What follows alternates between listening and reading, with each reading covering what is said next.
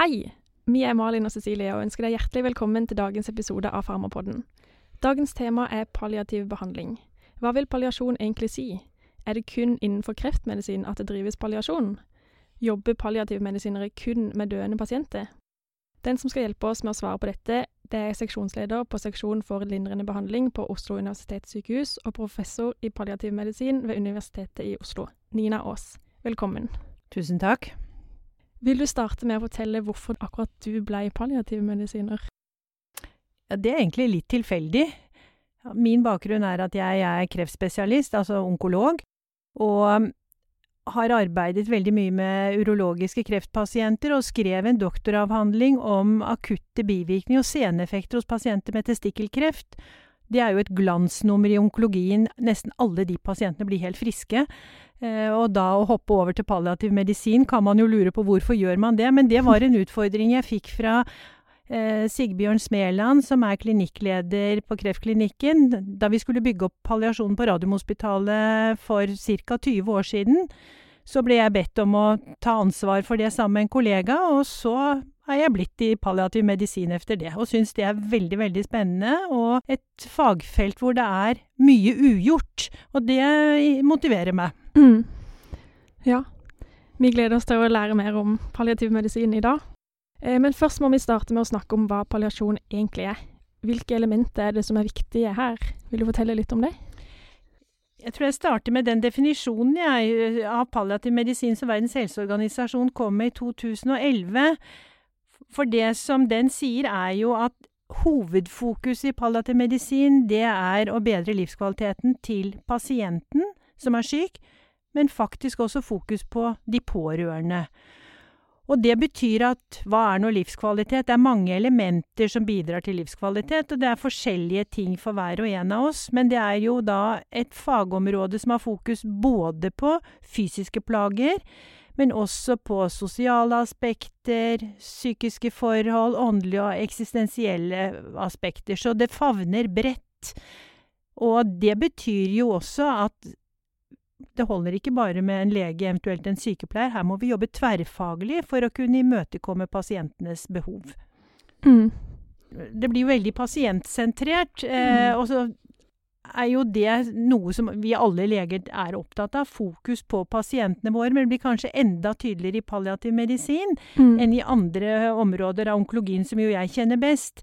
Men det betyr ikke at det er noen motsetning mellom å ha fokus på pasienten og ha fokus på sykdommen eller på tumor. Dette er flere sider av samme sak, og inn i den biopsykososiale modellen, men hvor som sagt vi palliativmedisinere kanskje er mer opptatt av pasienten enn akkurat hvilken type kjemoterapi eller annen tumorrettet behandling som skal brukes. Men det er også viktige aspekter for å gi god pasientbehandling og gi pasientene god livskvalitet. Mm. Det er jo kreftpasienter som utgjør majoriteten av pasientene som får spesialisert palliativ behandling i Norge i dag. Men hvilke andre pasienter er det palliasjon er relevant for? Ja, sånn som det er i Norge, som du sier, så er det kreftpasientene som hyppigst får spesialisert palliativ behandling, og det er også noe som går igjen både i Vest-Europa og også i USA og Canada. Men det er klart, andre pasienter, andre store grupper med kronisk alvorlig sykdom, de får jo for så vidt palliativ oppfølging, men kanskje ikke oss men Jeg tenker på kolspasienter, hjertesviktpasienter, pasienter med nevrologisk sykdom.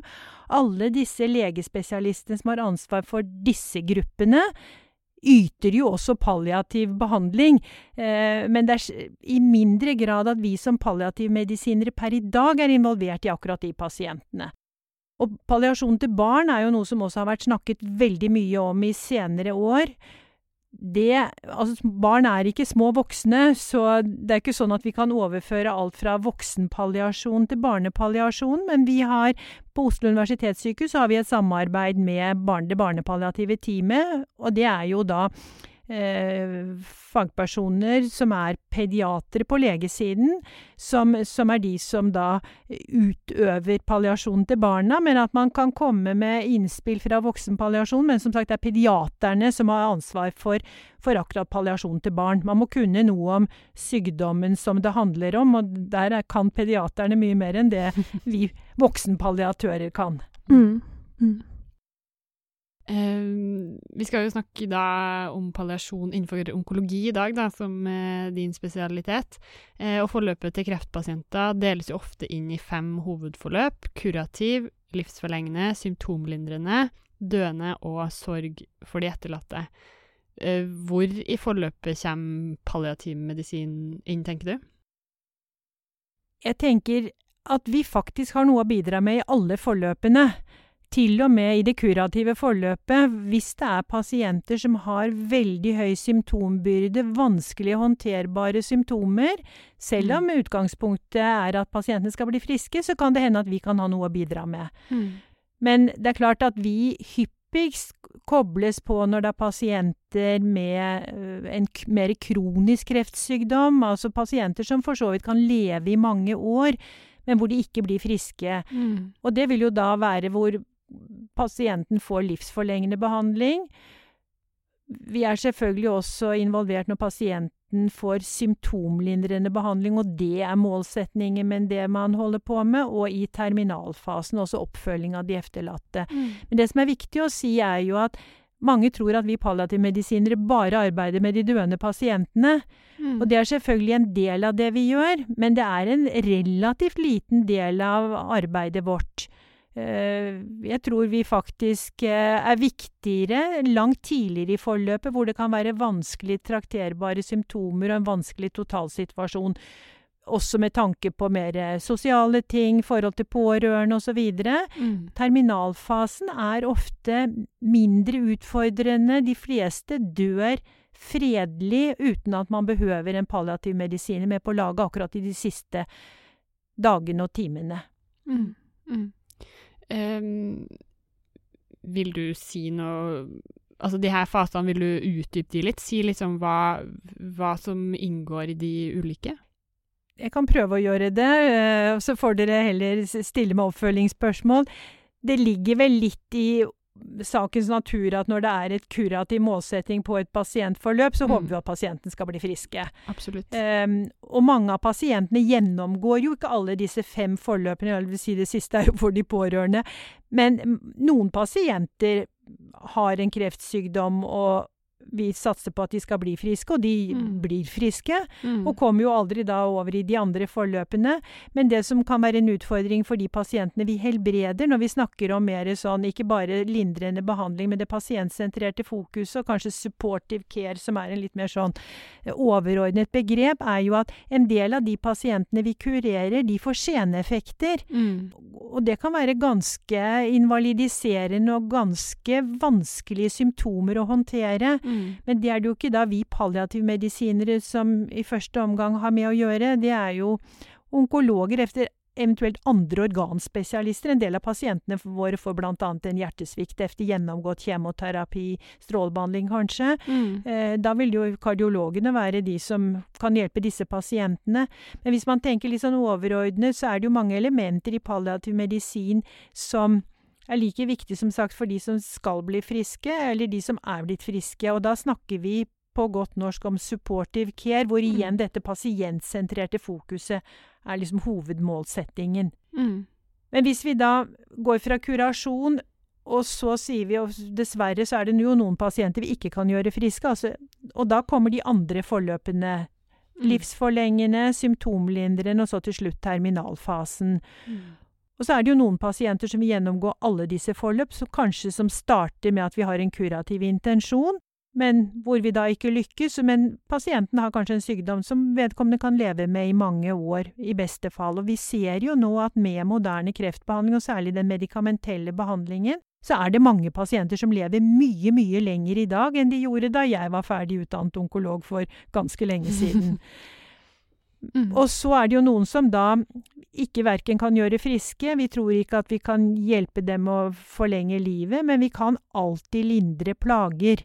Og det gjelder jo både pasienter som da, hvor målsettingen er symptomlindring, og det gjelder også de pasientene som da kommer i terminalfasen. Mm. Og som sagt til slutt, siden palliativ medisin også har fokus på de pårørende, så er det et eget forløp for oppfølging av de efterlatte. Og det er jo ikke nødvendigvis at man skal være en palliativ medisiner for å kunne følge opp efterlatte på en god måte, men det er viktig å huske på dem, og at de blir ivaretatt, slik at sorgprosessen blir best mulig, og Mm. hvis noen har en patologisk sorgprosess, at de kan få hjelp Mm. med å komme videre. Mm. Eh, du har jo snakka litt om det, at eh, det er jo palliativ medisin, eller palliativ behandling innen flere fagfelt, da, ikke bare onkologi. Eh, men sånn generelt, hvem Eller når skal man henvise til palliativt team, palliativ eh, poliklinikk eller sengepost? Hvem er det som skal dit, tenker du? Det varierer jo. eh, og hvis vi tar utgangspunkt på det sykehuset hvor, hvor dere studerer og hvor jeg arbeider, så er det jo mange pasienter som ikke behøver å komme på sengeposten vår, og det er mange pasienter som ikke ligger inne, men de har kanskje nytte av å komme på poliklinikken hos oss, selv om de fortsatt får tumorrettet behandling. Altså også gå på poliklinikken hos onkolog og får medikamentell tumorrettet behandling eller strålebehandling. Mm. Det jeg tenker er at pasienter må henvises hvis de har behov for det. Mm. Høy symptombyrde, høy symptomintensitet, kanskje en vanskelig hjemmesituasjon med små barn, eller at det er andre ting i familiesituasjonen som er krevende, sosiale utfordringer, psykiske aspekter skal vi ikke glemme. Mm. Så det er én ting, og det er jo da ved behov, men så tror jeg også at for at vi skal sikre at pasienter blir henvist til oss, så bør man også ha i disse forløpene som vi akkurat har snakket om, så har vi prøvd å si at når pasienter da er kommet et stykke ut i forløpet, og det vil si at når de starter på det vi tenker er siste linje medikamentell behandling, Mm. da er tiden inne til å henvise til palliativt team eller til palliativ poliklinikk. Mm. Og det er for å sikre at man får en god overgang fra onkolo at onkologene har ansvar, til at palliativmedisinerne skal ta ansvaret. Mm. Og det er ikke sikkert at pasientene da har så veldig uttalte plager akkurat når vi sier at nå er de kommet så langt i forløpet at nå bør det være en henvisning, men det er noe med å bli kjent med hverandre, vite hva vi kan tilby, og at palliativ poliklinikk eller palliativt team ikke betyr at nå er jeg døende. Mm. For det er det veldig, veldig mange pasienter og pårørende som tror. Så det å ta bort litt av den eh, ja, det stigmaet som er knyttet kanskje til akkurat eh, lindrende behandling eller palliasjon, det tror jeg er viktig, fordi vi kan gjøre så mye for pasientene, mens de fortsatt har lang tid igjen å leve. Mhm. Jeg tror det er kanskje noe smart, for jeg tror både for oss og eller i hvert fall meg, så trodde jeg jo egentlig når jeg begynte her at terminal og palliativ egentlig var det samme. At man liksom snakker om at de som er palliative ligger liksom på siste, siste reis. Vi skal snakke mer om terminalfasen senere, men når tenker du det er hensiktsmessig med tilsyn av sånn palliative team og sånn, når, eh, som for litt sånn ferske leger? Når skal man ringe eller be om at de skal komme innom? Hvis man er i tvil om man greier å håndtere symptomer på en god måte, så ringer man til palliativt team. Og det, dere skal snart ut i turnus, og det vi jo vet er at alle sykehus i Norge jeg tror alle nå har et palliativt team. Ikke alle Mm. har senger, men palliativt team finnes rundt omkring. Så ring og spør hvis man lurer på noe, og ring heller en gang for mye og henvis litt tidligere enn dere kanskje tenker, og kanskje overlegene sier at dere bør gjøre. For det vi erfarer, som jobber inn dette feltet, er at vi får henvisningene altfor sent. Ja. At vi kunne gjort mye for pasientene og familiene hadde de vært henvist tidligere. Mm. Så igjen dette med hvis det er vanskelig håndterbare symptomer, hvis man har en pasient man tenker bør skrives ut i hjemmet, hvordan skal man få det til? Samarbeid ute med kommunehelsetjenesten, kreftkoordinator, det er jo sånn som dere egentlig ikke har lært så mye om i løpet av studietiden. Bruk de palliative timene rundt på sykehusene for å hjelpe pasientene i disse situasjonene. Mm. Og som sagt, det er ikke farlig å henvise. Det verste som kan skje, er at den palliative legen eller sykepleieren sier at ja, men dette kan du ordne på egen hånd, og kanskje gir dere noen råd. Ikke sant. Og kanskje også hvis man har litt eh, utfordringer med pårørende, så er i hvert fall min erfaring at de kan komme med noen gode sånne tips der også. Absolutt. Absolutt. Og vi har jo en egen eh, tiltaksplan for pårørende som eh, vi nå har tilbudt til hele den helseregionen som vi server. I den seksjonen som jeg har ansvar for, så har vi en regional kompetansetjeneste for lindrende behandling. Så vi er da liksom en kompetansebase for hele, hele den store regionen eh, Helse Sør-Øst. Og der har vi nå rullet ut et oppfølgings- eller en kartleggingsverktøy for pårørende, som jeg tror kan være til veldig god hjelp, og som ikke er noe hokus pokus. Mm. Men det er litt det fokus. Hva er det pårørende strever med i forhold til å kunne ivareta den som er syk, Mm. men også for å kunne ivareta sine egne behov. Så pårørende Altså, det er slitsomt å være pårørende, og, og noen ganger så trenger de ekstra oppfølging. Det er ikke at vi skal være leger for pårørende, men da kan vi henvise videre til en fastlege eller foreslå tiltak. Mm. Så, så jeg tror det kan være veldig, veldig nyttig å vite, og det, det er sånn som palliasjonsleger og sykepleiere kjenner til, så bruk oss også til den biten. Vi får ta det med oss. Ja, Mm. absolutt. Som du har nevnt tidligere, så er jo en stor del av palliasjonen sentrert rundt symptomlindring. Vi lærte i forelesning med dere at studiet har vist at systematisk symptomkartlegging hos pasienter både øker livskvaliteten til pasientene, men òg økte levetida med fem måneder i gjennomsnitt. Hvordan gjøres denne symptomkartlegginga sånn rent praktisk? Den symptomkartleggingen den er jo ikke noe hokus pokus, men det er det å være veldig bevisst på at man skal være systematisk for å kartlegge pasientenes plager. Og den måten man gjør det på, det er jo å snakke med pasienten. Og det gjør dere jo. Stille åpne spørsmål. Start med det. For det kan være mange ting som pasientene har på hjertet, og som de er opptatt av, og som de plages med, som ikke vi kommer på. Og når man har da stilt de åpne spørsmålene for å finne ut mere, så må man jo slutte med åpne spørsmål og gå mer til lukkede spørsmål og oppfølging av det som pasienten da har brakt på bordet. Og det vi jo ofte bruker, det er jo kartleggingsverktøy som pasientene fyller ut selv. I kreftomsorgen og i palliasjonen så bruker vi et verktøy som heter ESAS R, som jo kommer fra Edmonton i Canada. Derav E-en i dette kartleggingsverktøyet. Og det dekker mange vanlige symptomer hos kreftpasienter, men ikke alle. Men det at pasientene får lov til å fylle ut et sånt eh, spørreskjema, det går veldig fort.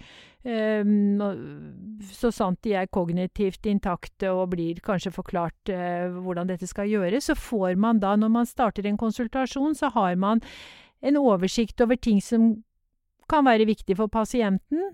Det kan være andre ting, så det må man jo også spørre om. For som sagt, skjemaet dekker absolutt ikke alle ting som pasientene kan være opptatt av eller plaget av. Men det gir oss en veldig god oversikt, som sagt, til å kunne gå videre da med å kartlegge pasientenes plager. Mm.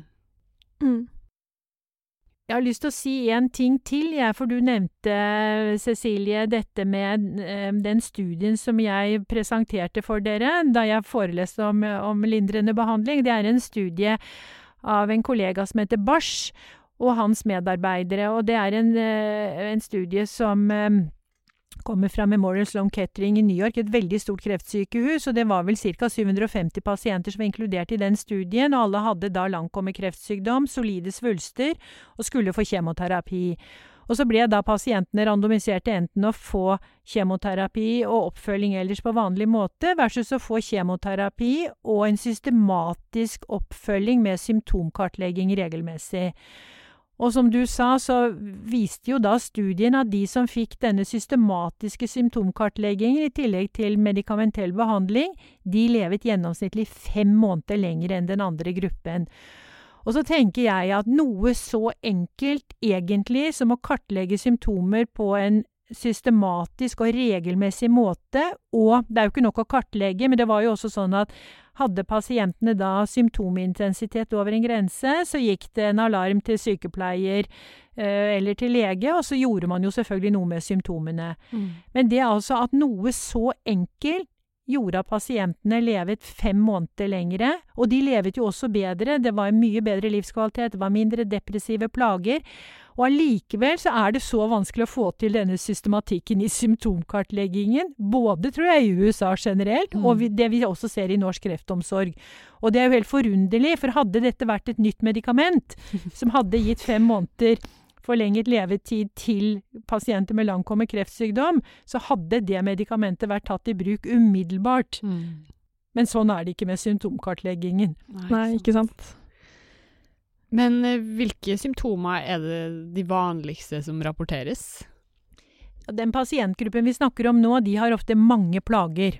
Ja. Ehm, og derfor kan det være så greit også med dette skjemaet at vi, at vi får kartlagt symptomene pasientene selv fyller ut, fordi vi har jo en tendens at vi overser ting når pasienten har mange plager. Da blir vi opptatt av det første pasientene sier, og så glemmer vi kanskje at de har andre ting som vi også bør prøve å gjøre noe med. Mm. Det er jo litt avhengig av eh, hvilken pasientgruppe man spør, men sånn generelt så er jo dette med redusert allmenntilstand, dårlig matlyst, smerter, kvalme, munnproblemer, ikke bare munntørrhet, men munnhuleproblemer, sårhet, altså det er jo veldig, veldig vanlig. Det er noe vi overser i stor grad hos pasientene våre. Det kommer vi ikke opp på å spørre om, og det er jo dessverre ikke alltid vi titter i munnen heller. Eh, tung pust, forstoppelse Jeg tror det er de vanligste Mm. plagene som pasientene har. Mm. Eh, hva kan du si om behandlinga da, av de her eh, symptomene? Hvis pasienten har mange plager, så kan man jo liksom lure på hvor skal man starte. Og det man kan starte med da, er jo å spørre pasienten hva er det som plager deg mest. Mm. Og noen ganger så agerer vi ut fra det, andre ganger så vet vi ut fra vår medisinske kunnskap at selv om pasienten sier sånn eller slik er det verste for ham eller henne, så vet vi at det kanskje er noe annet som er mer truende, og som vi må gjøre noe med. Mm. Og også hos disse langkomne kreftpasientene, hvis vi kan bruke tumorrettet behandling, altså gå på årsaken til at pasientene har et symptom, så vil det ofte være det beste. Og så må vi ofte kombinere det med andre tiltak. Mm. Men eksempel hvis pasienter har vondt av en skjelettmetastase, så vil jo strålebehandling kunne være en god behandling for den pasienten. Og så må vi som regel også ty til da smertestillende medisiner ved siden av. Mm.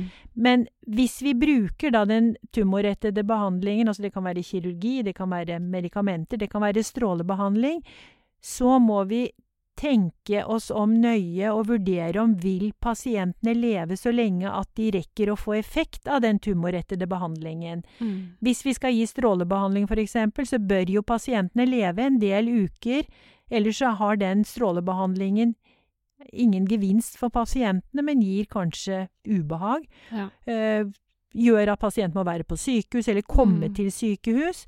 Men på den annen side, hvis pasientene lever noen måneder, så vil en, kanskje en engangs strålefraksjon mot en smertefull skjelettmetastase være en veldig, veldig god behandling. Mm. Og det samme hvis vi gir medikamentell kreftbehandling, så må vi jo vurdere bivirkninger av behandlingen opp mot de plagene pasientene har, Mm. og også tenke på hvor lang forventet levetid har pasientene, når vi skal vurdere om det er fornuftig å starte slik behandling eller la være. Mm. Mm. Ja, vi lærte jo at uh, rundt 50% av stråleterapi er jo palliativ. Mm. Det er faktisk det. Så, så husk på det at det ofte kan gi god lindring. Mm. Eh, Og nå bygges jo stråleterapi ut også i enda flere sykehus vil i løpet av noen år kunne tilby det. Og den palliative strålebehandlingen prøver å gjøre så enkel som mulig, og det er jo viktig at pasienten kan få den så nær hjemmet som mulig, og ikke må reise langt for å få den. Ja, da overgår plutselig ulempene eh, fordelene. Ja. Mm. Eh, er det noe score på dette ESAS-spørreskjemaet som anses som en indikasjon for å starte tiltak?